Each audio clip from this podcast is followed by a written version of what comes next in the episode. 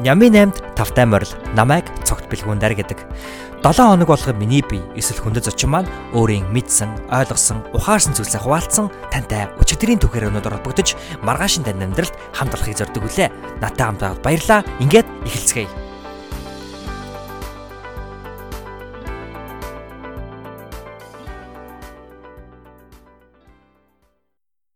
Сайн бацхан сонсогчдоо та бүхэндээ энэ хүү гайхалтай өдрийн мэндийг хүргэе. Та бүхэнтэйгээ Няминан подкастынхаа 46 дугаар дугаараар уулзаж байгаадаа маш баяртай.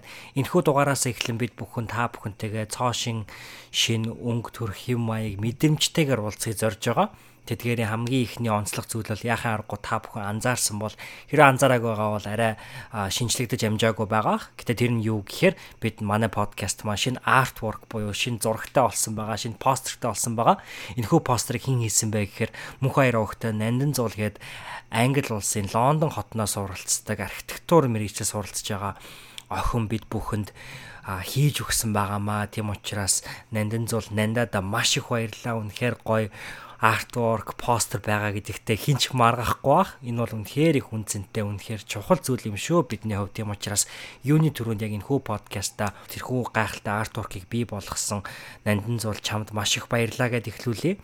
А хоёр дахь зүйл нь юу гэх юм бол энэ удаагийн дугаарыг та бүхэн сонсоод дуусгах юм бол бид бүхэн хамгийн сүүлийнхаа хөгжмийг өөрчилсөн байна. Тэр энэ хүн хөгжмийг хэн хийсэн бэ гэхээр дараа дараагийн нэгэн дугаар дээр миний найз буяа гэж залуу оролцсон. Тэрхүү залуутай ярилцах дугаарыг хиддэг дугаар ахыг мэдхгүй. Гэхдээ маш гайхалтай дугаар байна гэж би итгэлтэй байна.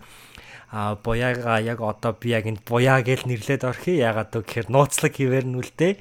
Гэтэ буяа манд манай подкастд зориулж өөрөө хамгийн анхудаа хөгжим зохиож урлаж бид бүхэнд бэлгэлсэн байгаа. Тэгэхээр тэрхүү хөгжмийг яг манай подкастын мэдрэмжэн дээр үндэслэн би үндэслэн бий болсон хөгжим учраас бид бүхэн ийхүү хамгийн төгсөөх жаргаах хөгжмөө болгон оруулж байгаа та бүхэн тийм учраас манай подкастыг жаргах үед нь шинэ хөгжмөнтэйгээр жаргаж шинэ 7 хоног гайхалтайгаар мандуулна гэдэгт би итгэлтэй байна. За дараагийн нэгэн зүйл нь юу гэхээр би энэ удаад гарч байгаа 46 дугаар дугаар маань 2018 оны 8 сарын 19-ний өдөр гарч байгаа. Тэгэхээр энэ өдөр миний хувьд маш чухал өдөр. Миний аавын маань мэндэлсэн төрсөн өдөр байгаа. Тийм учраас энэ хүү подкаста энэ дугаараа мөн аавда зориулж бэлэг болгон хадгалж мөнхөлж үлдээя гэж бодож байна. Яагаад үг гэхээр энэ хүү амьдрал гэдэг гайхалтай аялалд намайг авчирсан энэ хүү аялалд намайг заалж хөтэлдэг хамгийн хайртай эрхэм хүмүүсийн маань яхаа аргагүй аав маань мөн билээ. А энэ удаагийн дугаарын маань оролцогч хинбэ гэхээр хорвоо ертөнцийн хамгийн сайн сайхан бүхнийг үзхийг тэмүүлдэг аялагч үүргэвчтэй аялагч бүсгүй байгаа. Түүний нэрийг Баярын Саран туяа гэдэг. Тэрээр 2014 онд бүгд найрамдах Индонез улсын засгийн газрын Дармасисват тэтгэлэгт хамрагдан аялал жуулчлал ба зочлог үйлчлэгээний менежментээр суралцсан төгссөн цагаасаа эхлэн аяллаа гараага эхлүүлсэн нэгэн байдаг. За та бүхэн түүнийг 2016 онд 25 наснда 25 улсаар аялах зорилгыг өөртөө тавьж 2 жилийн дотор тэрхүү зорилгынхоо эзэн болсон гэдэг түүхээр маш сайн мэднэ гэж би бодож байна. А хэдий тэрхүү аялалтаа тэрхүү гайхалтай том зорилго 2016 онд эхлүүлсэн боловч тэрээр 2015 онд бол өөрийн Nomadic Soul гэдэг энэхүү хөдөлгөөнийг эхлүүлж энэхүү Facebook пэйжээ хөтлөн явуулж залуус үүргэвчтэй аяллаар дамжуулан урам зориг шин сэтэл өгөхийг шин одоо сэтэл тийм ээ уран зориг өгөхийг зорж тэмүүлсээр ирсэн нэгэн байдаг. За тэрээр яг одоо Nomadic Soul хэмээх энэхүү хөдөлгөөнөө энэхүү Facebook пэйж стартап хэмжээнд өргөжүүлэн зүүн өмнөд Аз, өмнөд Аз, Европын улс орнуудаар хамгийн хямд зардлаар өөрөвчт аялал хийхийг санал болгон бусдад тэрхүү хамгийн зөв арга зам гарцуудыг ухуулан таниулах тэрхүү гайхалтай ажлыг хийж байгаа нэгэн. За тэрээр яг одоо тэрээр мөн түнчлэн нэгдсэн үндэсний байгууллагын залуучуудын зөвлөх хороонд гишүүн Global Shapers Улаанбаатар нийгэмлэг сайн дурын ажилтнаар ажиллаж байсан гэд маш олон одоо нийгмийн идэвхтэй гэх юм уу те маш нийгмийн үнэлэх өндөртэй ийм эмхтэй байгаа. А мөн нэгэн сонирхолтой факт болгоход тэрээр TEDx-ийн спикер TEDx Чингис Сэтэ арга хэмжээнд илтгэгчээр оролцож байсан нэг юм аа. За ингээд хэдүүлээ түүний манай Няминэн подкастт оролцсон энэхүү гайхалтай подкастаар дамжуулан түүнтэй уулзцгаая. Би энэхүү дугаартаа маш сэтгэл хангалуун та бүхэн байгаа. Тийм учраас та бүхэн энэхүү дугаарын маань нэгэн хэсэг болж энэхүү нэгэн түүхийн адал явдлын нэгэн хэсэг болох гэж байгаад би маш их баяртай байна. За тэгээд хэдүүлээ. Энэхүү гайхалтай подкаст дугаар руугаа үсэрцгээе.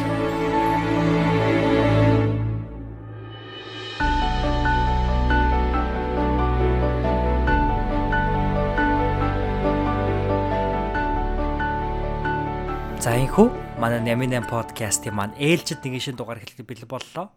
Бид бүхний урилгыг хүлээж авсан Сараачанд маш их баярлалаа. Энэ өдрийн төргий. Баярлалаа. Энэ өдрийн мэндийг ч гэсэн өрсөн хүргэе. За маш их баярлалаа. За Сара өөрийгөө юуны төрөнд манай сонсогч нарт товч өгөө тодорхой танилцуулаач. Аа. За намайг Баярын Сарантрэ гэдэг үүргэвчтэй аялагч. Аа 25 наснда 25 улсаар аялна гэсэн зорилгыг 2 жил гарны өмнө тавиад өнгөрсөн хавар 25 наснда 25 дахь улсаараа аялаад одоо зорилгоо биелүүлсэн байгаа. Энэхүү зорилго маань маш олон new үеийн залуусд хүрээд inspiration өгсөн гэж боддог. А магадгүй тийм учраас би өнөөдрийн подкастт оролцож байгаа хаа гэж бодсон. Тий, яг тэгэлгүй яг хав би яг Америк явахаас өмнө чамайг олцоод найзтайг захиад продюсер залуудаа захиад за холбогдоорой хоёлаа тэгээд подкастаа энэ шүүгээ үлдээсэн. Тэгээд тийм учраас а өөртөө ч өнөөдөр ярилцах гэж байгаа маш их баяртай сонсогч нарынхаа өмнөөс би маш их догдолж баярлж байна. За тэгээд нэг зорилгоо хүрсэн чинь дараагийн том зорилго юу вэ? Одоохондоо том зорилго хараахан тавиаг байгаа. Аха.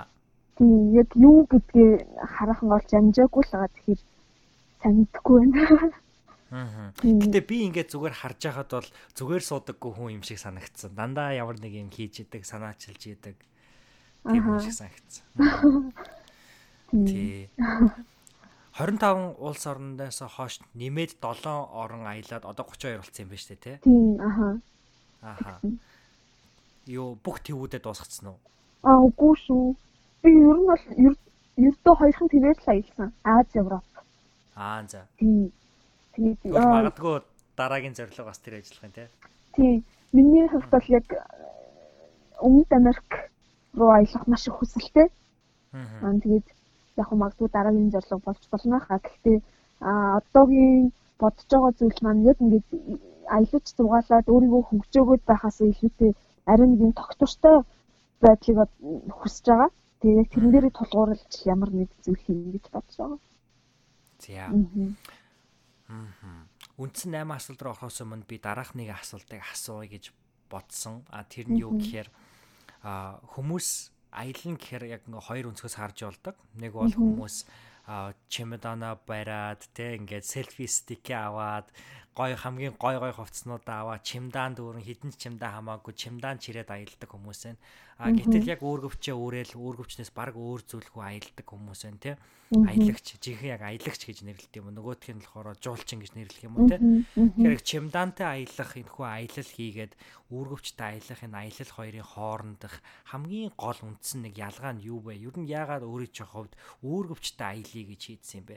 Аа За миний хувьд оюутан байх үеэс аялж эхэлсэн. Яг Индонезид сурч байх үедээ аа тэр үед манай одоо хамгийн санаад Фатима гээд Эквадор охин хамтаа Java арал руу аялахыг санал болгоод аа тэгээд тухайн үедээ би 100 доллартай л хийсэн баг. Яг надад байсан мөнгө. Тэгээд тэр мөнгөөрөө Java аралаар 7 хоног аялаад ирсэн байгаа. Тэгээд тэр аяллаараа болохоор яг миний хувьд хамгийн анхны үргэлжтэй аялал маань байсан.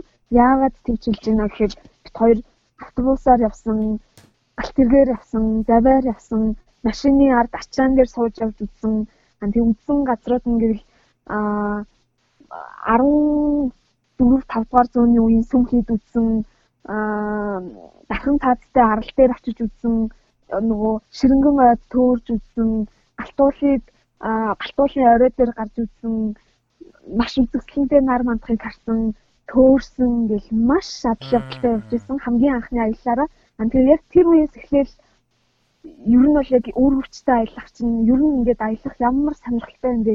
Ямар гоё ядал ядалтай юм бэ гэж тэгээ тэр үеэс эхлээл өөр хүчтэй аялалд дурласан да. Тэгээд би бас өөрийгөө маш их азтай гэж боддог.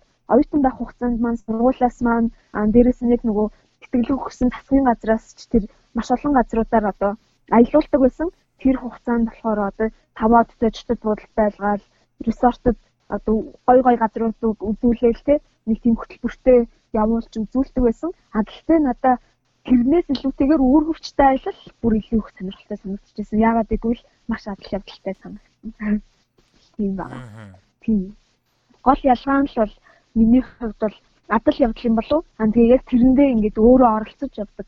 Тэгээд маш олон хүмүүс юу гэх аяллаар явахаар те чумдаамаа бариад аль нэг одоо групп аялал хамрагдаад 40 50уулаа явдаг ч юм уу тэгж явахаар яг нэг тийм түүлд эргээд бодохоор дурсамжтай зүйлтэй маш ховор үлдсэн байдаг юм шиг санагддаг. Аа. Маш гайхалтай хариулт маш их баярлалаа. Би бүр яг Энийг сонссон сонсогч нар маань бүгд үүргэвч аялаад үнэхээр аваад үнэхээр аялахыг хүссэн гэдэгт бол туйлыг хэтгэвтэй. Аа өөрийг чинь хэрэгжүүлдэг санаачилсан Nomadic Soul гэдэг прожектынхаа тухай танилцуулбал.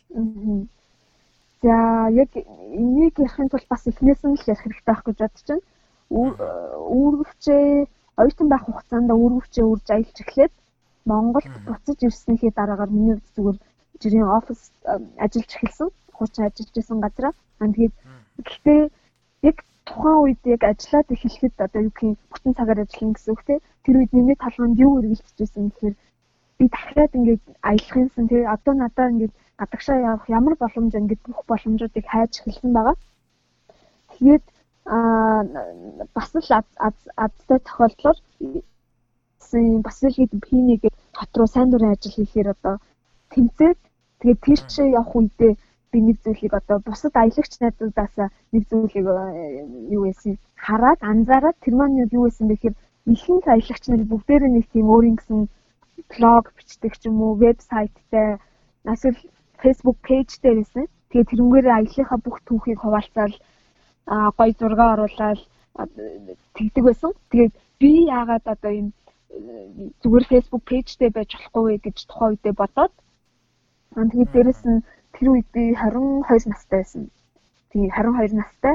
Аа тэгээд залуухан юм Монгол охин. Аа тэгээд дээрэс нь маш хямдхан зардлаар ингээд Европын улсуудаар тойрч аялах гэж байгаа өөрийнхөө үеийн хүмүүст бол харуулахыг хүссэн. Аа тэгээд яг яаж хямдхан аялаад байгаагаа ер нь бол одоо мэдгэдгийг хүссэн байгаа. Тэгэж анх номедик сөүлгээд зүгээр жирийн пэйж нэгээд аа тэгээд тэр маань аа яг ингээд Европоор сайн дурын ажлаа хийгээд тойрж аялах хугацаанд маань энэ нөгөө нэг тэрхүү пост бичлэгүүд маш олон хүнд хүрсэн байхгүй яг миний бодсон шиг. Ягаад гэвэл тухайн үед бол аялдаг хүмүүс одоогийнхоос бол харцангуй цөөхөн байсан. Тэгээд дээрэс нь бүр ингээд мөнгө хэмнэж аялдаг хүмүүс цөөхөн байсан. Тэгээд л фэйсбүүкээр дамжуулж маш олон хүмүүс түрээд аа тэгээд хүмүүс маань одоо нөгөө дагагчид маань эргээгээд надад нөгөө саналууд тавьж эхэлсэн байхгүй тэр маань яг юу байсан бэ гэхээр тараа чи одоо дараагийн удаа хаашаа аялах вэ? Энэ зуны амралтаар юу төлөвлөж байна вэ? Бид нэр ингээд чамтай хамт аялж болох уу гэх саналуудыг өгж эхэлсэн. Тэгээд тухайн үед нь бас л би яагаад болохгүй гэж бодсон. Тэгээд хамгийн анх зүүн өмнөд Аз руу зүүн өмнөд Азийн 6 бэлтүү 7 орноор аялах маршрут гаргаад тэгээд хүмүүсийг яг аялыг гэсэн сонирхолтой хүмүүсийг бүрдүүлээд баг бүрдүүлээд авч явж ирсэн байгаа. Тэгээд тэр маань одоо тэр тэрнээс эхлээл яг нөгөө аяллаа маань юу гэсэн бэ? Таашны аяллаа одоо энэ нөгөө нэг зохион байгуулдаг өргөвчтэй аяллаа одоо эхлэл тавигдсан байгаа. Өөрөө чинь хариултыг сонсож байхад хийгээд бас яг өөрөө чинь пэйж руу ороод хамгийн түрүүнд надад харагдсан зүйл нь юу байсан бэ гэхээр аялагч гээд маш гоё ингээд бичсэн typography футболк байсан те. Аха. Тэр яг үнээс ингээд харахад болохоор яг чиний яг одоо хийж байгаа энэ зүйл бол а өөр work central Mongolia дээр офислдаг штэ те офислдаг байсан юм уу? Аа. Офислдаг. Аа зөв. Тэгэхээр яг тэнд нөгөө community гэдгийг хотол гэж үгээр хэлдэг те. Тэгэхээр түүнтэй адилхан өөрийн чинь энэ хүү брендийг, өөрийн чинь яг энэ хүү зорилго те энэ ирч хүч энэ одоо хүсэл тэмүүлэл дээр чинь бий болсон тийм ерөнхийдөө бол community хотол бий болж гин гэж харж гин те. Аа. Тийм. Баярлалаа. Тэгэлгүй яах вэ? Тэгэхээр гайхалтай бас нэгэн хөдөлгөөнийг ийм хотлыг бий болгож хүмүүсийг хөдөлгөж байгаа. Үнэхээр гайхалтай чанд баяр хүргэе. Хоёлаа тэгээд энэ 7 хоногийнхаа үндсэн 8 асуулт руу орох уу? За тэгье. За.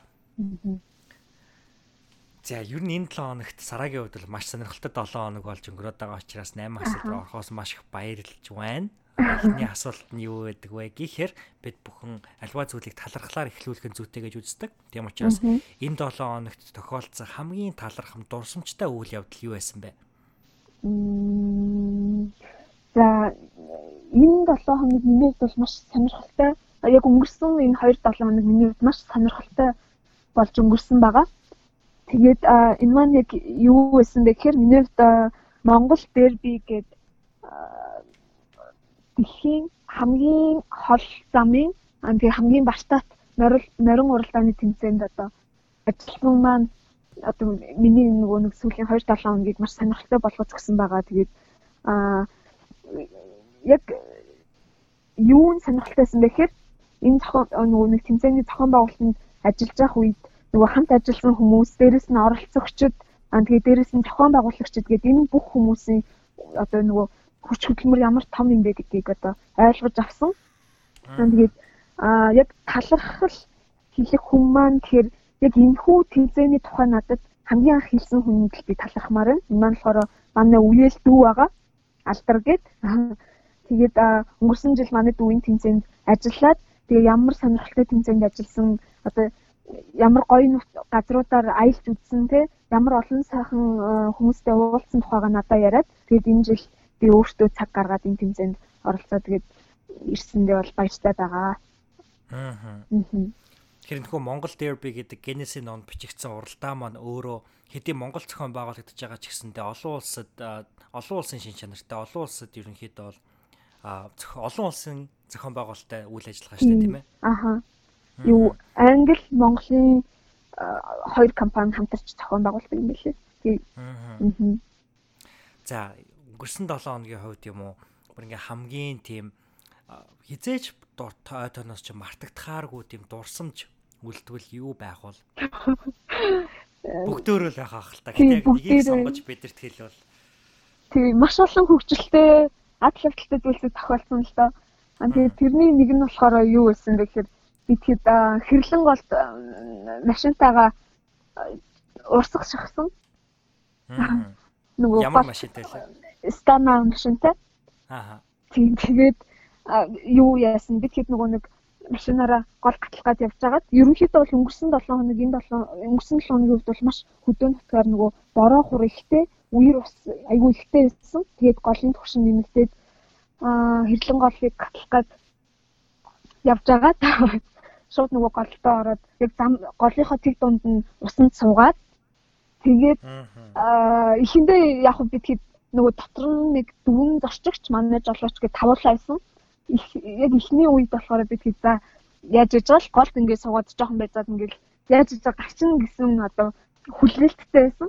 Аа тэгээд хугацаа ингээд явах тасан нөгөө э, машин маань явж чадахгүй ойлгоод бүр яг тэндээ ингээд стак болсныг мэдээд аа тэгээд дээрэс нь усны түвшин ингээд баг багаар нэмэгдээл хийсэн. Тэгээд яг тэр үед бид хэд нөгөө бөөнөр айгүй нэг тийм имэйлдэж байсан байхгүй яг ихэнх хэсэгтээ Йоо бид нар ингээл гол цаасан ингээл инээлдээд инээлдээд усны төвшин нэмэгдээд хэлсэн чинь бүгд нэг жоохон сонирн болоод за одоо яадаг вэ гэдэг нэг юм сандралын байдалтай. Аа тэгээд ингээд буугаад машинаа түрээ ч юм уу те эсвэл буугаад гараад явъя гэхэд бол тийм боломж байхгүй ягаад гэвэл аа юу усны төвшин өндөр одоо жишээлбэл миний баг ингээд мөрөөр татах үс ч юм уу те. Хөөх за. Одоо юу гэх За мөр ташаагаар за нэг тиймэрхүү би болохоор айгүй намхан хүн л дээ. Миний мөрөөр татах үзэхээр за өндөр хүний нэг ташаагаар татах гэж ойлгохгүй юу. Тэгээд ер нь бол айгүй тийм өндөр тэгээд гарах ямар ч боломж авахгүй ихэндээ тийм байжгаад цэврүүгээ би тэгэхэд яхаа мэдгүй байсан чи азар нөгөө хамт явж исэн нөгөө өөр машины хүмүүс маань хурж ирээд тусалсан. А гэхдээ яг нөгөө нэг бид хэдийг голоос гаргахад бол нэг 20 минут бол 20-оос 20 минут болсон баха ер нь бол 20 минут болсон. Тэгээд тэр хугацаанд машин доторх усны төвшин суудлын дээгүүр гарч ирсэн байгаа. Тэгэхээр би бол ингээд тий тэгээд яг тэр үед бол миний бас яхаа мэдээгүй тэнд дотор байсан хүмүүсийн хувьд бол бас яхаа мэдээгүй а гэхдээ яг жолооч бит хоёроос бусад хүмүүс маань гадаад хүмүүс байсан. Тэгээд тэр хүмүүсээс би нэг зүйлийг анзаарсан. Тэр маань яг юу вэ гэхээр аа юу гэх одоо жишээ нь би хэрвээ тэр хүмүүсийн дунд байхгүй те өөр хүмүүсийн дунд байсан бол ингээд паникын сандралд ороод те одоо хэрэггүй алхам хийх ч юм уу тийм байх байсан бол нөгөө хүмүүс маань бол маш тайван сууж байсан. Аа тэгээд нөхцөл байдалтайгаа эвлэрээд зүгээр инээлдээд чипс идээд ягаад гэвэл биднэрт хийж чадах юу ч зүйл үлдээгүй. Одоо гээл нэг юм нөхцөл байдалтайгаа илрээл савчсан тэгээд яг тэр үе бол надад үнэхээр инээдтэй тэг хөвчлөлтэй санагдсан. Дараа нь тэгэл нөгөө нэг машин дотор миний бүр нөгөө мишок хүртэл ингээд хөвөөд живээд явжсэн а гэхдээ би яг нөгөө чухал юмнуудаа бол бас хамгаалж үлдсэндээ баяртай байгаа авч явжсэн ном power bank утас гэх мэтчлэн чухал чухал зүйлүүдээ бүгдээрээ тэмдээд суусан да. Аа. Энэ бол хамгийн мартагдахгүй адлал байна. Өнгөрсөн 7 хоногоос. Аа. Хамт хэмжсэн гадаад хүмүүс нь аль орноос ирсэн хүмүүс байсан бэ? За гурлаа Австрал байсан. А гэхдээ ер нь бол яг энэ Монгол дэргэд оролцож байгаа оролцогчд нь болохоор нийт 10 гаруй орноос хүмүүс оролцсон билээ. Тэгээд яг тэр үед болохоор дандаа гадаад хүмүүсээс оо юу Австрал хүмүүсээс манай машин. Зөө зөө.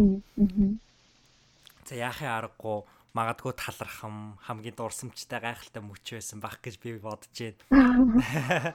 Тэгээ их зүйл бас суралцсан байна те хүмүүсээр нь тэгээд зүгээр байгаа тэр хорон мөчөөсөө маш их баярлаа. За хоёлаа дараагийн асуулт руу орох уу? Аа за тэгье. Тэр нь болохоор энэ 7 хоногийн онцлог контент юу вэ? Тэр нь ном байж болно, сонин медиа артикл, видео, подкаст гэдээ юу ч хийж болно. Аа. За энэ бас л энэ 7 хоногт хөдөө байсан учраас дээрэс нь интернетгүй байсан. Тэгээд э, энэ үед надад нэг хэн болж исэн зүйл нь болохоор нэг ном байгаа. А гэхдээ бас номоо унших бол тэнцэх зав гараагүй. Тэгээд энэ хүн ном нь болохоор The Power of Habit гэдэг ном ямар ч байсан нөгөө нэг нэг дүүгээсээ аваад явсан. Тэгээд ихлүүлээд ихний хэсэгтээ л уншаад явж байгаа та. Аа. Би нэг ийм асуултыг асуух. Аа. Маш дуртай. Номн дээр ирэхээр аа нөгөө 80 20 хууль гэж байдаг. Тэгэхээр ингээд магадгүй өөрөө чинь яг тэрхүү уншсан хэсэг ч юм уу тэр номны хамгийн чухал 20% нь байсан байж болно. Аль эсвэл магадгүй одоо ингээд уншаад эхэлж яхад энэ л одоо ингээ уншсан зүйлсүүдээс тэрхүү мэдээллүүдээс энэ л мэдээлэл юу н хамгийн чухал 20% юм байна гэж үзээд а түүнээсээ ахуулаад 80% өгөөж аавна гэвэл ямар санаа утга агуулга байх вэ? Онцлол. Би яг энэ нөгөө номныхоо гүнд нь орж уншааг болохоор яг хэлэхэд бол хэцүү байна. Тэгэхээр сайн яг хэлж мэдгүй байна. Тэгээд юу гэх ингэж мэдгүй зүйлээ ярина гэдэг бол миний хувьд айгу нэг тийм тийм гоё зүйл биш болохоор тэгээд яг сайн яг энэ асуултанд бол хариулт мэдгүй байна. Тийм дүнгиж эхлүүлээд орхисон учраас нөгөө нэг дүнгиж эхлүүлсэн зүйлээ эрт дүгнэж арай л болохгүй гэж бодож байна. Аа. Тэгвэл яг уу. Ягаад гэхдээ дадал зуршлын номыг одоо яг сонгож авах болсон бэ ер нь? Мм түрүүнд хэлсэн тийм нөгөө нэг э, дүүгээс авсан. Тэгээд аа энэ дүү маань бас яг надтай хамт нөгөө нэг тэмцээнд нөгөө ажиллахаар явсан. Тэгээд надаас санал болгох ном юу вэ? Миний унших номнууд ер нь бол дууссан гэсэн чинь энэ бол миний хамгийн дуртай ном та уншаад үзээрэй гэд өгсөн. Тэгээд уншиж байгаа. Аа. Унших номноо дууссан гэж тэгэхээр унших номын ер нь бол чагсаал гаргадаг уу? Аа нэг эм яг чагсаал гаргах гэдгээс илүүтэй би яг нөгөө таалагдсан номнуудаа авдаг. Аа. Тэгээд уншаад уншиж дуусныхаа дараа шинэ номнууд худалдаж авдаг тийм байгаа. Аа. Тийм. Тэгээд хараахан одоохондоо надад нөгөө нэг авсан шинэ ном байхгүй учраас тэгээд хүмүүс авсан. Индонезид оюутан байсан биз дээ тий. Индонезид оюутан байх хугацаанд ер нь ер нь яг ямар мэрэгчлэр сурсан бэ? Миний хувьд Индонезид ер нь бол нэг л жил сурсан. Энэ нь болохоор Индонезийн цасан газрын тэтгэлгээр суралцсан байгаа. Дармасисва гэдэг ер нь бол соёлын солилцооны хөтөлбөр гэдэг багхгүй юу? А гэхдээ аа энэ маань болохоор яг нөгөө нэг сургад заадаг сургалтууд нь ер нь бол нэг тийм соёл урлаг талдаа аа уран зураг дуу хөгжим загвар түүх соёл одоо тиймэрхүү а гэхдээ яг миний суралцсан чиглэл нь болохоор аялал жуулчлал байсан. Тэгээ яг нэг жилийн хугацаанд аялал жуулчлалаар суралцаад ирсэн байгаа. Индонезийн Бали арал дээр. Хоох ямар гоё юм. Харин тийм. Бали арал дээр бас сургууль байна. Байна. Хит хитэн сургуулиуд байдаг байгаа. Аа зөв зөв зөв. Аа. Тэгэхээр соёл урлаг талдаа дуу хөгжим гэдэг чинь тэгээ бас өөрөө төрлийн контент юм байна шүү дээ, тий. Одоо эргээд ингээд санаж хахад ер нь яг Индонез сурч исэн нэг жилийн хугацаанаас яг тэр урлагаас нь гэдэг юм уу ер нь соёлоос нь хамгийн яг ингээд үлдсэн ч гэдэг юм уу, тий. Аа маш тийм сэтгэлд хүрсэн зүйл нь юу байсан бэ? Надад яг яг Бали Индонез улсын тэр даа ялангуяа Бали арлын хүмүүс бол надад маш их таалагддаг. Ягаад гэвэл Бали арал нь бусад одоо Индонезийн арлуудаас ганцаархнаа хиндүү шашинтай. Аа тэгээд тэр дээр амьдарч байгаа дийлэн хувь нь хиндүү шашинтай хүмүүс байдаг. Аа тэгээд яг шашнаа дагаад ч тэр юм уу яг шашныхаа одоо тэр түүхээ түүх соёлоо дагаад аа юу хүмүүс нь маш тийм цайлган сэтгэлтэй аа тийм сайхан сэтгэлтэй хүмүүс байдаг. А дээрэс нь яг Бали арал дээр авьяасгүй хүн гэж нэгч байдгүй. Яг энэ соёлтой холбоод ярих юм бол авьяасгүй хүн гэж одоо юу хэлэх вэ гэхээр жишээлбэл яг нөгөө нэг одоо хотын зохион байгуулалт нь нөгөө нэг юм тасган тасган гэдэг одоо юугаар явдаг. Одоо тэр тасган энэ тасган гэж одоо тийм зохион байгуулалттайгаар явдаг. А тэгээд тасган болгоно нь өөр өөрийн гэсэн одоо хөгжмийн хамтлагтай одоо юу гэх тасган болгон өөрийн гэсэн одоо байртай одоо нэг юм тасганы хурал цуглаан хийдэг тийм байртай. А тэгээд тэр байранда одоо тасан болгон өөрийн гэсэн хөгжимчдтэй, өөрийн гэсэн дуучидтай, өөрийн гэсэн бүжигчдтэй. За одоо ингээд дуу хөгжмийн авьяасгүй хүн байлаа гэж бодъё те. Одоо дуулж бүжиглэж чадахгүй над шиг тийм хүн байвал бусад хүмүүс нь дандаа их хвчлэн гарын дүүтэй те маш гоё одоо дархан одоо дарханы зүйлс уралдаг эсвэл модоор сэлбэр уралдаг их мэдчлэн одоо бүгдээрээ л нэг тийм авиаслаг хүмүүс байдаг. Тэр нь яг нөгөө соёл талаас нь надад маш их таалагд таалагддаг байгаа Бали арлаас. Аа. За баярлалаа. Маш сонирхолтой мэдээлэл хуваалцсан. Өстой мэдээгүй юм байна. Аа тэгэж Бали арлыг яг ялангуяа зөв яг хиндүү шашинтай хүмүүс төвлөрсөн байдаг гэж. Индонез ч өөрөө энэ дэлхийн хамгийн том муслим тий шашинтай орн дээ тий. Аа. За За 3 дахь асуулт руу ойлоо орох уу? Тэр нь болохоор энэ 7 хоногт хийсэн хамгийн сэтгэлийн таашаал кайф авсан зүйл юу байсан бэ? За сайн бодъё.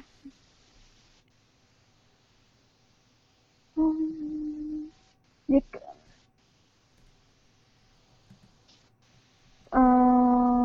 бэр бид явах үед байна. Би яг нэг 2 хоногийн өмнө Улаанбаатарт буцаж ирсэн. Тэгээд буцаж ирээд ерөнхийдөө яг амралтын байдалтай гэртээ их хвчлэн байсан учраас нэг их адал явдалтай зүйл бол ховорхон өнгөрсөн. Тэгээд яг хөдөө явж байгаа үед бол надад хамгийн одоо тийм сэтгэлийн таашаалтай зүйл нь юу байсан бэ гэхээр яг хөдөө явхаасаа өмнө 3 аймагт аялахаас өмнө би яг нөгөө малчин айлуудаар орно гэдгийг мэдсэн байсан. Аа тэгээд тэр айл болгон хүүхэдтэй гэдгийг мэдсэн. Аа тэгээд хүүхдүүдэд зориулаад хамт явах хүмүүстэйгээ юу хэлээд тэгээд хүүхдүүдэд жижигэн жижигэн чихэр ч юм уу тийм бэлэгнүүд авч явсан. Тэгээд очсон аа тэгээд яг нөгөө нэг тэмцээний үеэр би тэгэхэд өдөрт нэг 3-аас 4 айлуудаар дамжиж явж исэн. Тэгээд очсон айл болгоныхоо хүүхдүүдэд нөгөө жижигэн чихэр юмнуудаа өгөөд явхад бол надад үнэхээр гоё байсан. Ягаад гэвэл тэр хүүхдүүдийн одоо нөгөө баярлж байгаа тэр одоо байдал нь надад эргээгээд нөгөө баяр баясгалыг авчирч ирсэн. Тэгээд нэг юм гоё сэтгэл дүүрэн байсан юм уу? Аа. Тийм. Аа, өстой хөөхөн түүх байна. Тэр хүүхдүүд яг ингээд яаж баярлсан бол гэж бодмоор. Тийм, тэгэл. Аа. Надаас байсан. Маш олон хөөхөн жоохон жоохон хүүхдүүд. Тэгээд яг нөгөө нэг 2 3 ялангуяа манай Монголд те айлууд айл цаахалтаараа хамт буудал юу байрлж нөгөө амьдэрдэг те.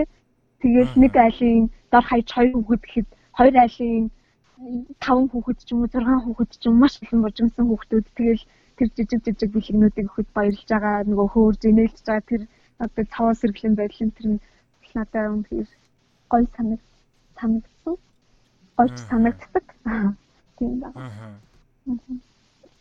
За маш их баярлалаа сайхан түүх хуваалцсанд.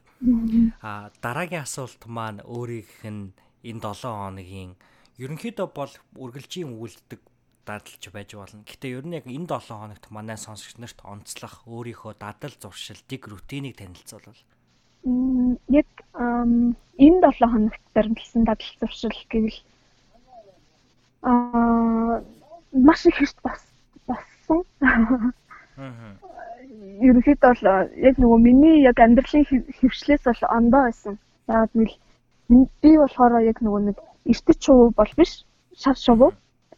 Тэгээд өшөөний илүү нөгөө нэг биш хүчтэй ажилдаг байгаа. Аа тэгээд энэ нөгөө нэг хөдөө явах хугацаанд болохоор дандаа эрт босоод өглөө 5:30-аас 6 цагийн 6:30 хооронд бол дандаа эрт босоод тэгээд орой нөгөө нэг орой 9:30 гээл амар одоо нөгөө нэг унтаж амраад өглөө дандаа эрт босож явж исэн. Тэгээд тэр хугацаанд болохоор бас надад маш их эрт босох маш их таалагдсан. Ялангуяа хөдөө аялж явхад ягаад гэвэл нутгийн хүмүүс ч гэсэн аа тэгээд нутгийн хүмүүс эрт босдог учраас аа тэгээд дээрэс нь яг нөгөө нэг цаг агаар өглөө илүү гоё байд юм байлээ. Тэгээд тэр болгоныг мэдэрсэндээ бол бас баяртай байгаа. Тэгэл яг нар мандахыг хараад яг нэг тийм өглөөний шүүдэр буусан одоо нөгөө нэг амьтаа юунд нь одоо нөгөө бэлчээрсэн гаргаал тий. Тэгэл одоо яг нөгөө амьдрал эхэлж явах үед би ингээл сэрээд яваад байсан гой санагдсан. Тэгэхдээ. За. Мм. За дэлхийн 32 улс орн 100 100 өөр өөр газруудаар аялсан хүнээс би яг энэ асуултыг асуухгүй бол болохгүй бах.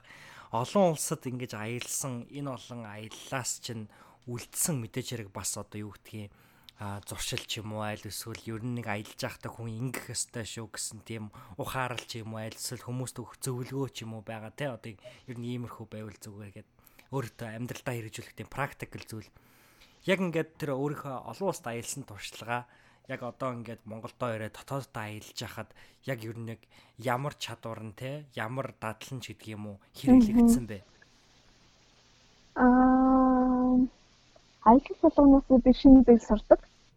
Мэдгүй зүйлс тааралтаагүй адал явдал аа саад бэрхшээл гэд маш олон зүйл тохиолддог. Тэр болгонд тэр болгоноос одоо шинэ зүйл сурдаг гэж боддог байгаа. Тэгээд мэдээж яг хамгийн их маш ихээр ойлгож авсан зүйл нь яг юу вэ гэхээр хувь хүний зохион байгуулалтын чадвар юм болов уу гэж боддог. Аа. Аа тэгээ дээрэс нь яг нөгөө нэг төлөвлөл төлөвлөгөөтэй одоо амьдрах гэх юм уу яг нарийн сайн төлөвлөгөө гаргадаг байх чадвар бол эргээгээд миний амьдралд бол маш их хэрэг болсон байгаа. Ягаад гэвэл миний яг нөгөө нэг анх аялаад явж байхдаа төлөвлөгөөгүй те хувийн зохион байгуулалтгүй цаг төлөвлөхгүй зангаасаа болоод одоо нөгөө нэг юм хит хитэн одоо бүтлгүүн нөхцөл байдлуудад орж исэн. Аа тэгээд тухайн үедээ би ухамсарлаад эргээгээд одоо тэднэрийн амьдралтаа дараа дараагийн аяллуудаа хэрэгжүүлж эхэлсэн байгаа. Тэгээд одоо ч гэсэн одоо аяллаа ч гэсэн тий эсвэл бусад нөгөө ажлынхаа зүйлсүүдийг бол нарийн сайн төлөвлөж явдаг байгаа. Тэгээд хэрвээ төлөвлөгөөг нарийн гарахгүй цагаа төлөвлөхгүй тэгж явах юм бол одоо юу гэх юм аа төөрн аа цаг хугацаагаа алдна мөнгөгүй болно тий илүү зардал гаргана гэл одоо маш олон одоо юунууд байгаа л та. Одоо нэг тийм нэг тийм одоо ирээд тийм цэлсэн зүйлсүүд гарна. Тэгэхээр бол маш сайн нарийн төлөвлөгөөтэй л байх хэрэгтэй юм шиг санагдсан. Хамгийн чухал нь хамгийн чухал нь төлөвлөгөө чухал гэдгийг ойлгож авсан байна.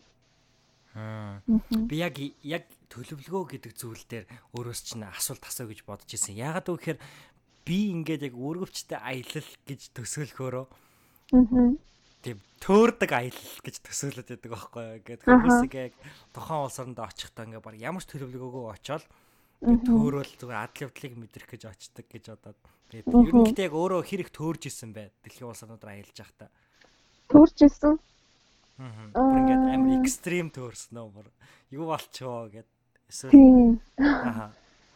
За хит хит удаа төрж исэн бүр яг экстрим. За хамгийн хэцүү төрсөн юу гэхээр яг нөгөө түрүүний хамгийн анхны аялал Индонезийн Java арал дээр уг нь бид гурав олуулаа аялж байгаа. Тэгээд гурван гуруулаа үлдчихсэн гурван эмэгтэй. Тэгээд нэг эмэгтэйгийн одоо нөгөө нэг санал болгосноор би тэгээд очих газраасаа очих хотоосоо өөр хот руу очоод тэгээд тэндээс нэг юм нөгөө охин маань нэг Индонезийн Батик гэдэг одоо гар урлын даавуу худалдаж аван тэр хотод яг нөгөө нэг жинхэнэ үйлдвэр нэдэг гэж бит хоёрыг дагуулж авлаа. Тэгээд хоёр яг нөгөө аялын хамтрагч маань санал болгосон. Тэгээд дээрэс нь тэр хүнийг ганцаараа би орхиод явахгүй гэдэг үднээс хамт яваад тэгээд тэр үед би бас ямар ч туршлагагүй байсан. Тэгээд нөгөө маань очиод юмнуудаа авчаад нөгөө цагийн бас зохион байгуулалт үүсээ болоод дараагийн нөгөө арал руугаа явах автобуснаас хоцроод тэгээд хаа хүрхээ мэдхээ болоод хаана хоногдохоо мэдхээ болоод ан тэгээд тэр хотод бол ингээд ойр гуруулаа үлдсэн байгаа. Дээрэс нь мөнгөгүй яагаад гэвэл яг нөгөө нэг өөр хот руу явах автобусны мөнгөсөн тий тэгээд ингээд ер нь бол харих замдаа явчихсан. Тэгээд тэр үед болохоор бүр ингээ яахан мэдгээ болж исэн а гэхдээ яг тэр үед бол надад маш азтай тохиолдол учирсан байгаа. Тэр маань юу гэхээр яг Индонез руу явхаас өмнө Бээжинд би нөгөө нэг визэнд орохдоо хятад охинтой танилцчихсан тэр охин маань бас Индонез руу явна гэж хоёр нэг улс руу явах гэж байгаа юм гэж нэлийн татан танилцаад юу WeChat, Facebook гэднээрээ сахилсан байсан. Тэгээд гинт тэр охиныг санаад гинт өөрийгөө ямар хотод байгааг одоо ухаарад гинт нөгөө охиныг санаад тэр охины хотод ирснээ одоо мэдээд тэр охин руу холбогдоод би энд ингэж ирсэн байна. Нар жаргахтай байна. Яг би яг хаана байгаа мэдэхгүй байна. Одоо яах вэ? Туслаач гэдэг юм хэлсэн чинь За чи эргэн тойрны зураг аваад явал яг наанаа л байж наанасаа бити холдоорой гэд хэлсэн. Тэгээд аа тэндээ нэг 10 минут орчим хүлээгээд намайг манай хоёр найзтай ирж аваад тэгээ байлгаад усанд оруулаад хоол идүүлээд маргаашны автобусны билет авч өгөөд тэгээд явуулсан байгаа. Тэгээд надад бол тэр үед бол би маш их баярлж байсан тэр найзтай. Аа. Тийм. Данч юу баярлснаа би юусоо хариуг нь өгч чадаагүй тийм зүйл болсон. Тийм гонхтой зүйл тохиолдсон байгаа. Аа. Тийм юм бэ тийм. Тэгээд аа би болохоор юу гэж боддог вэ? Ингээд аялал болгоноос яг уу ингээд олон газруудад очиндоо орчин нь бас нэг чухал биш гэж ойлгосон.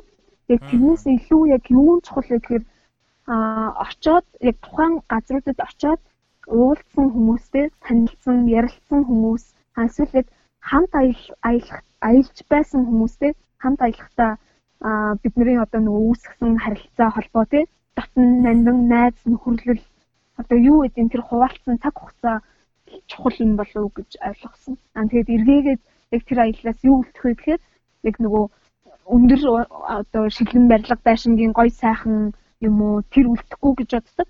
Аа яг тэр үед би яг хинтээ цаг хугацааг яаж хуваалцсан бэ? Юуг ойлгож авсан бэ гэдэг нь чухал юм шиг санагддаг да. Аа. Вау, баярлалаа. Маш гайхалтай хариулт байна. Бидэртээ энэ хүү гайхалтай ухаарлаа хуваалцсан маш их баярлалаа. Энэ хүү ухаарл бол хямдхан олдоогүй гэдэгт угаасаа хүмүүхэн мэдж байгаа ах. Маш их хөлс хөдөлмөр, хичээл зүтгэл, мөнгө төгрөг те нөөц бололцоо зөндөө юм дээр үндэслэлсэн ухаарл учраас маш их баярлалаа. За дараагийн асуулт руугаа оръё. Тэр нь болохоор энэ 7 хоногт өөртөө хэн хамгийн их нөлөөг мөн хэрхэн үзүүлсэн бэ? Аа. Мм яг тийм бас л нөгөө тэмцээний яриг те яг үлийн ланг тохиолсон. Аа. Тэгж байх уу? Миний нөгөө нэг яг ажилласан үүрэг юу байсан бэ гэхээр тэмцээнээс хасагдсан оролцогчдыг авч явсан би. Аа за.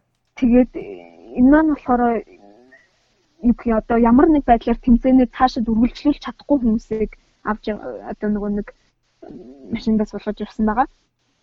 Тэгээд тэнд явж байхдаа би бол маш юу гэх миний хувьд би өөрөө өөрийгөө нэг тийм сэтгэл хөдлөл өндөртэй хүн гэж одоо дүгнээд байгаа. сүүлийн одоо хэдэн жилийн хугацаанд тэгээ яг яасан бэ гэхээр манай тэмцээнээс одоо хасагдсан хүмүүсээс дурдах юм бол 71 настай нэг өвөө байсан. Тэр өвөө бол юу гэх тэр насны хүн те ийм хол дэлхийн генесийн номонд бичигдсэн мянган километрийн хамгийн хэцүү морин уралдааны тэмцээнд хурж ирнэ гэдэг маань өөрөө бол маш том одоо нөгөө нэг чаленж аахгүй юу? Тий хэр баргийн одоо тэр хүний насны хүн энэ тэмцээнд ингэж оролцож чадахгүй тэр хүн. Аа тэгээ дээрэс нь аа аа нэг тэр тэмцээнд оролцсон хоёр хос байсан Америк. Тэр хоёр болохоор яг энэ тэмцээний дуусгаад сүүлд нь тэмцээний дараагийн өдөр нь хурмаа хийн гээд ирсэн хоёр хос байсан. Аа тэгээд Австралиас ирсэн 4 5 ах дүүс байсан. Одоо хамаатан садан. Тэдний тэд нар маань болохоор өөд болсон нэгнийхээ гэгэнд урсгалт зариулаад fundraising босгоод энэ тэмцээнд оролцож одоо нөгөө нэг гэх биелээгүй хүслийг биелүүлэх гэж ирсэн хүмүүсээсэн аа тэгээд энэ тэмцээнд төрүүлэх гэж 3 дахь удаага оролцож байгаа төрүүлэхийн тулд ирсэн хүн байсан. Аа гих мэтчлэн маш олон нөгөө нэг юм өөр өөрийн гэсэн зоригтой өөрийгөө сорих гэж ирсэн хүмүүсээсэн тэгээд манай а тэгээд яг энэ хүмүүсээс гадна манай машинд суусан хүмүүс болохоор одоо нэг тийм сэтгэл зүйн хувьд бол тийм ч бас таатай байгаагүй. Ягаад гэвэл яг энэ нөгөө нэг зорилгоо биелүүлэх гээд хүрээд ирсэн байдаг. Аа тэгээд зарим хүмүүс маань гимцэн тий а эсвэл одоо нөгөө тэмцээний биеийн дийлэхгүй ч юм уу тий хөгшин хүмүүс нь эсвэл бүр ингээд арьсан зулгарсан ч юм уу те ингээд амар хэцүү байдалд орсон хүмүүс. Надад нэг л зүйлийг ойлгуулсан байхгүй. Тэр маань яг юу гэхээр тэр хүмүүс ингээд бүр ингээд сэтгэлээрээ бүр ингээд цаашаа зорилгоо биелүүлэхийн төлөө явмаар байгаа. А гэхдээ даанч ингээд бие нь ингээд чадахгүй байгаа. Тэ? Бүр ингээд үнэхээр энийг ингээд зориод ирсэн бүр ингээд өөрийгөө юу юм энэ тэмцээнд яллаа төрүүлээ гэхэд хинч ямар ч шагнал авахгүй. Ер нь бол одоо хідэн сая төгрөгтэй байр машин одоо ямар хідэн өрөө байр маяр тий Монгол нэгдэг шиг тийм бол шагнал хинч авахгүй бүр юу ч авахгүй нэг ч төгрөг авахгүй. А гэхдээ тэр хүмүүсийн хувьд яг юу хүлээж авах вэ гэхээр өөрийгөө ялан дийлсэн тий нэг тийм тэр л зүйл өөрийгөө одоо яг чадсан гэдгийг л одоо өөртөө амьдралынхаа туршид бахархах зүйлийг одоо авах гэж хэрсэн хүмүүс гэж би ойлгосон байгаа. Тэгээд яг нөгөө нэг хүмүүс маань тэмцээндээ цаашаа үргэлжлүүлж чадахгүй болсон хүмүүсийн хувьд бол тэр сэтгэл зүй нь бол маш хүнд байсан. Аа тэгээд тэд нь бол надад бас хүн дээр нөлөөлсөн байхаа. А гэхдээ би бас тэндээс нэг зүйл ойлгож авсан.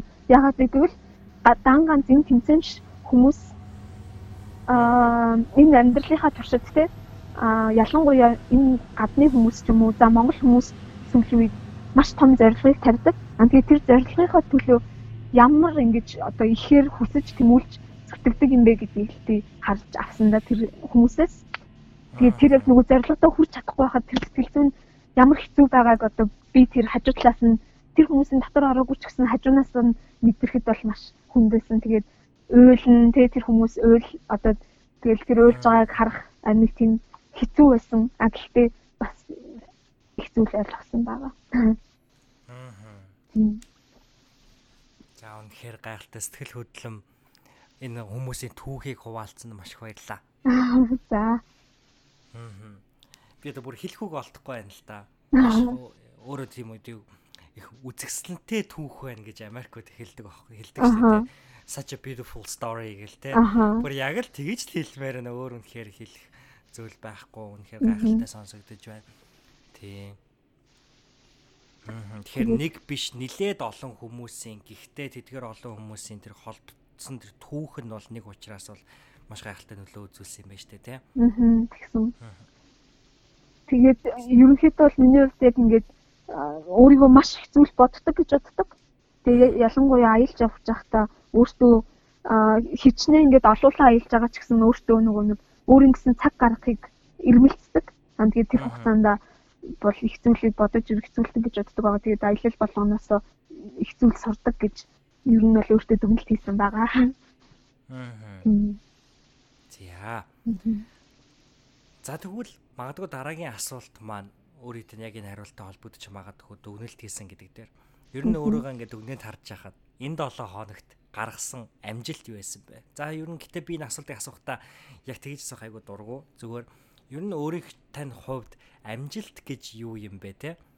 Өөрийнхөө тодорхойлолтоор. А тэр тодорхойлолтынхоо хувьд энэ 7 хоног амжилттай 7 хоног байсан уу? Амжилт аа нэг амжилт гэдэг юм уу миний нэг юм яг ч юм яг одоо ингээд тодорхойлоод хэлэх нэг юм том том зүйлс төсөөлөгдөд байна л та. Гэхдээ би яг өөрөө хувь хүнийхээ үдэн дээрээс болохоор өөрийгөө жижигхэн зүйлсэд маш их баярлдаг гэж боддог. Жишээлбэл те түрүүний хэлсэн голоос гол усанд суугаад голоос гарах гарах бол нэг хувь миний хувьд бол маш одоо жаргалтай мөч те тэр бол амжилт бид нар яагаад гэвэл урсахгүй амьд үлдэн маань амжилт. Аа одоо юу гэх одоо ингээл жижиг жижиг зүйлс маань миний хувьд амжилт болдог гэх юм уу? Тэгээд жижиг зүйлсээс аз жаргал мэдэрч байгаа зүйлс маань л надаа одоо юу гэх жижиг жижиг амжилтууд маань надад аз жаргалыг бэлгэлдэг гэж бодож байна. Тэгээд аа яг нь энэ 7 хоногтой холбоот хэлэх юм бол энэ тэмцээнд яваад энэ тэмцээнд зүгээр явсан маань л миний хувьд амжилт юм уу? Ягаад гэвэл би маш олон хүмүүстэй танилцсан, маш олон хүмүүстэй ярилцах боломж олсон, их зүйл ойлгосон маань л амжилт юм болоо та гэж бодож байна. Тийм. Яг энэ хүү аялалд гэх юм уу эсвэл яг энэ хүү ажилд орё гэд ингээд энэ Монгол терапигийн нэг хэсэг болёо гэж явах бол магадгүй а миний бодлоор шүү. Жохон бүх хүмүүсийн хувьд ялангуяа нийлэнх мастн ч гэдэг юм уу тийм амархан шийдвэр байхгүй юм шиг санагдаад байна л да. Нь чинь тодорхой хэмжээний маш их ер нь бол зүдрэн гэдэг штэ тий. Аялалт зүдрэн гэдэг чинь их зүдрэх юм уу. За тэгээд дээрэс нь бүр үнэхээр чиний яг нөгөө баг одоо тий хийжсэн ажил нь болохоор бүр зүдрээд бүр ингээд сэтгэл санаагаар бас дахиж зүдэрж байгаа хүмүүс донд орохоор бүр хэцүү сонсогдож байна л да. Тэгэхээр ер нь энэ шийдвэрийг гаргахад ер нь ингээд амьдралдаа шийдвэр гаргахад яг юун дээр юу н үндэслэн гаргадаг бай шийдвэрүүдээ. Хэцүү зээсэн яг энэ шийдвэрээ гаргахад. Ам яг дангаж энэ энэ шийдвэр бусад шийдвэрүүд ерөнхийдөө бол би яг өөрийгөө их сонсдог гэж бас боддог. Өөрийнхөө яг юу хүсэж байгаа тэрийг хийхийг эрмэлздэг. Аа одоо өөрийнхөө нөгөө тухтай зарим тохиолдолд те комфорт зон руу хайдаг, зарим тохиолдолд тэрнээс гарахыг хичээдэг. Аа тэгээд яг тухайн үед би яг юуг мэдэрч чинь те надад яг ямар зүйл татагдж чинь яг тэрэн дээрээ үнслээд би яг энэнийг хийх хүү болох уу гэж одоо тэгж шийдвэрээ гаргадаг байна. Тэгээд яг өөрийгөө сонсоод би яг юу хүсэж байна би яг юу хүсэж байна те тэрийг л дагдаг. Ер нь бол өөрийнхөө сэтгэл зүрхийг дагдаг тийм төрлийн хүн байна тэгээд. Аа. Тийм энэ энэ нөгөө тэмцээнд одоо явах шийдвэр бол миний хувьд юу байсан? Тэгээд тийм ч хэцүү бол шийдвэр байгаагүй. Ягаад гэвэл миний хувьд зөвхөн хөдөө явахыг хүссэн. Аа тэгээд энэ чаленж энэ тэмцээн аа тэгээд тийм гоё түүхтэй тэмцээн байсан учраас энд явна гэдэг бол миний хувьд маш аз жаргалтай анханасаа гоё санагдчихсан. Тэгээд тийм ч учраас явсан байгаа. Аа. Тэгэхгүйгээр нөгөө нэг юу хин нэгний одоо нөлөөний халтаа ч юм уу те тэгж гаргасан шийдвэрүүд бол зүйлдээ жоохон хэцүүдүү санагддаг. Аа. Тэгэл байх уу. Зя. А сара ингээд ярил одоо яг энэ хүү ярилцлагаас би ингээд харж байхад бол маш юмыг юу н эргцүүлж боддог юм шиг санагдлаа. Тэгэхээр зэрэг энэ хүү дараагийн асуулт маань подкастын маань сүүлээсээ хоёр дахь асуулт буюу долоо дахь асуулт маань байгаа. Аа энэ 7 хоногт тэгвэл яг юг ойлгож ухаар вэ? Ухаарсан бэ? Энэ 7 хоногийн ойлгосон, сурсан, сургамж ойлгосон ухаар л юу байсан бэ? За.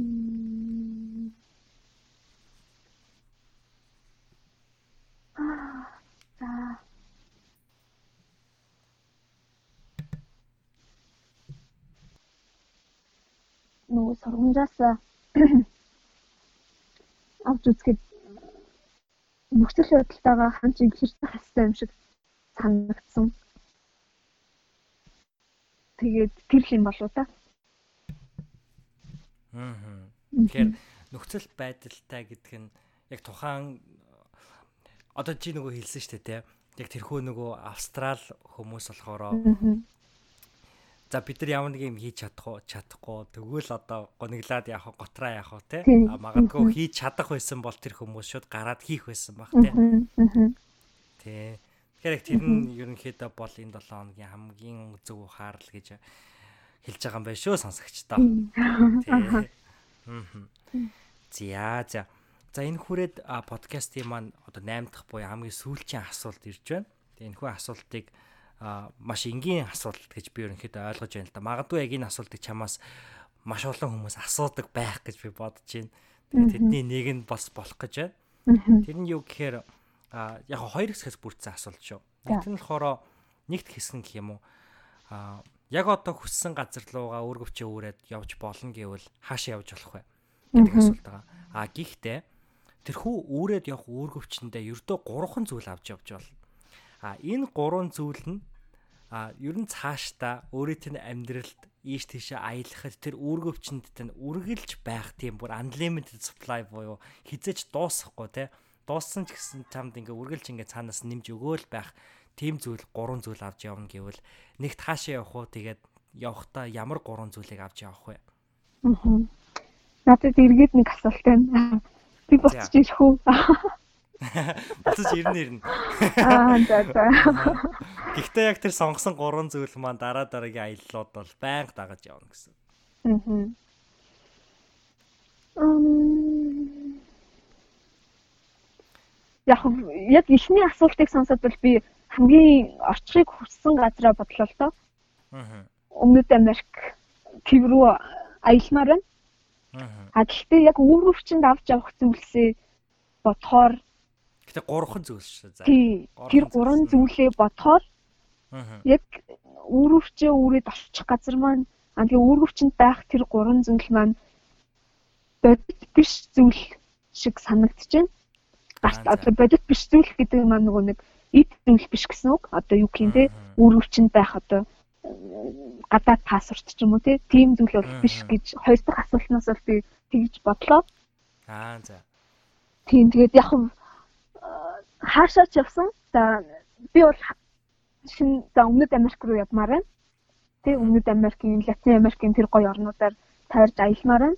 Гэхдээ хаашаа ч явсан миний үрөвчөнд байх гурван зүйл нь а нэгдүгээр миний гэр бүлийн хайр тэ манай одоо миний ээж аав дүү нарын миний ээж аав дүүгийн хайр хаанч явсан тэр тэр бол хизэж дуусахгүй хаанч явсан одоо намайг гэртээ Монголд буцаад ирэхэд хүлээж авах зүйл бол энэ байгаа. Нэгдүгээр шүү дээ.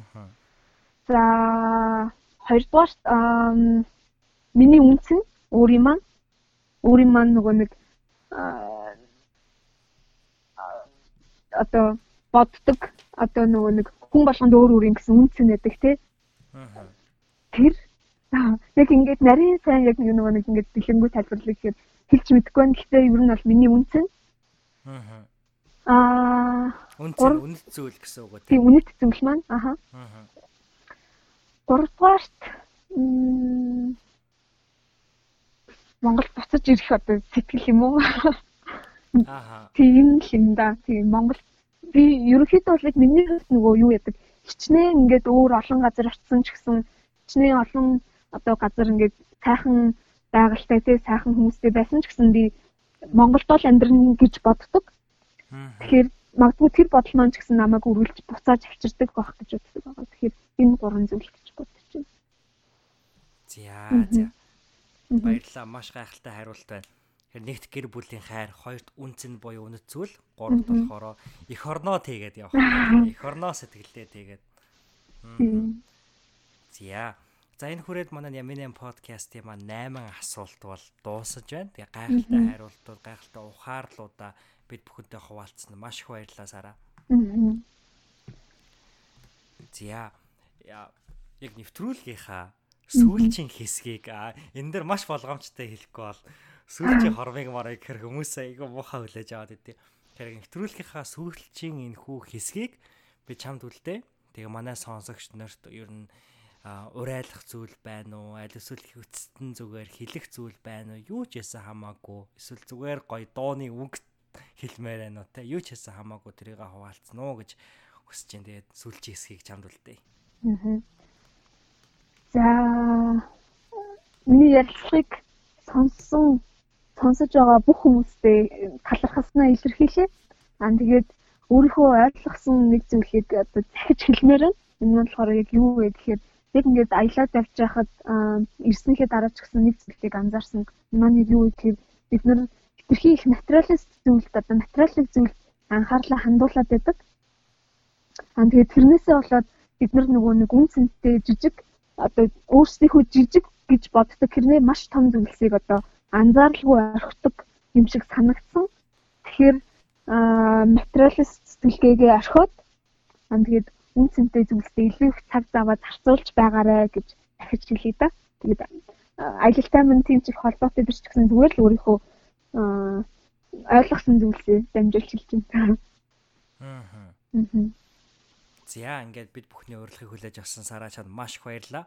Тэгээд сонсогч нар маань та бүхэн Сарааг Facebook дээр Саран туяа баяртай профайлаар нь хийгээд Facebook-ийнх нь пэйж болох Nomadic Soul гэсэн пэйжээр нь орж дагаж дэмжээрэй гэж сонсогч нарыгаа сүлднээс уриалмаар байна. За маш их баярлалаа Сараа. За маш их баярлалаа. Баярлалаа. За.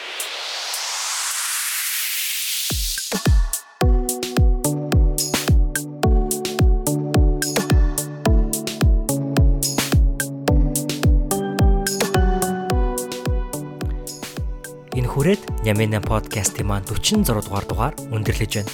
Тань энэхүү дугаар маань маш их таалагдсан гэдэгт би итгэлтэй байна.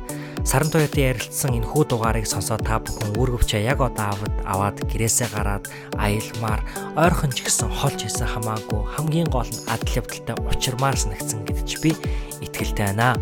Учир нь тэр бол надад төрсэн мэдрэмж хэлээ.